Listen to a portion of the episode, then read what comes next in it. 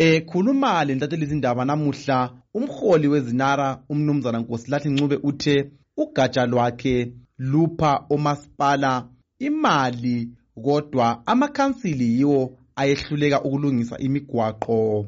Uthi phakathi kwemali yakuleli engange-868 billion etholwe izinara ngomnyaka odluleyo phose isilinganiso samachumi ayisitshiyagalolunye ekhulwini 88% yaphiwa amaqembu alungisa imigwaqo kanye lamakhansila atshiyeneyo elizweni lonke jikelele. Imali bezingacacanga ukuthi ziyaphi khona kwamanje uzothola ukuthi sesikucacisile konke lokho. Uqhubeke esithi izinara isebenzisa imali yayo okusemthethweni ngoba imali yonke abayitholayo iya kumakhansili emadolobheni lasemaphandleni ebuzwa zintatheli zindaba ngokukhwela kwemithelo yentuba zama-tollgates emigwaqweni emikhulu. Uncube uthe lanxa abantu bekhonona lokhu kuzanceda izinara ukuba ithole imali yokulungisa imigwaqo. Kodwa umsekeli kasodolobho wakobulawayo umnumzana edwin dlovu uthi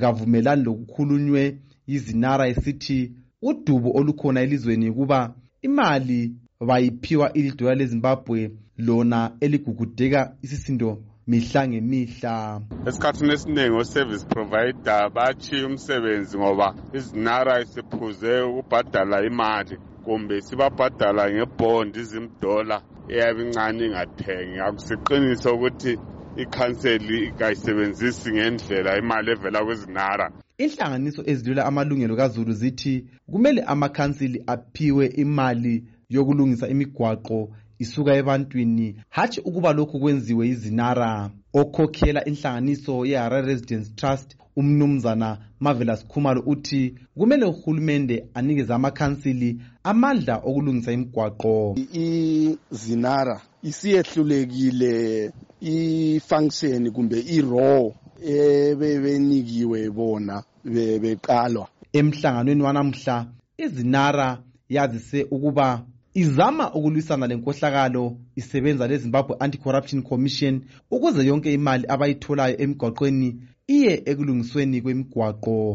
Izinara yazise ukuthi kulezimota ezedlula isigidi 1.2 million ezimbabwe kodwa ezibhadala imithelo zingu-800,000 kuphela.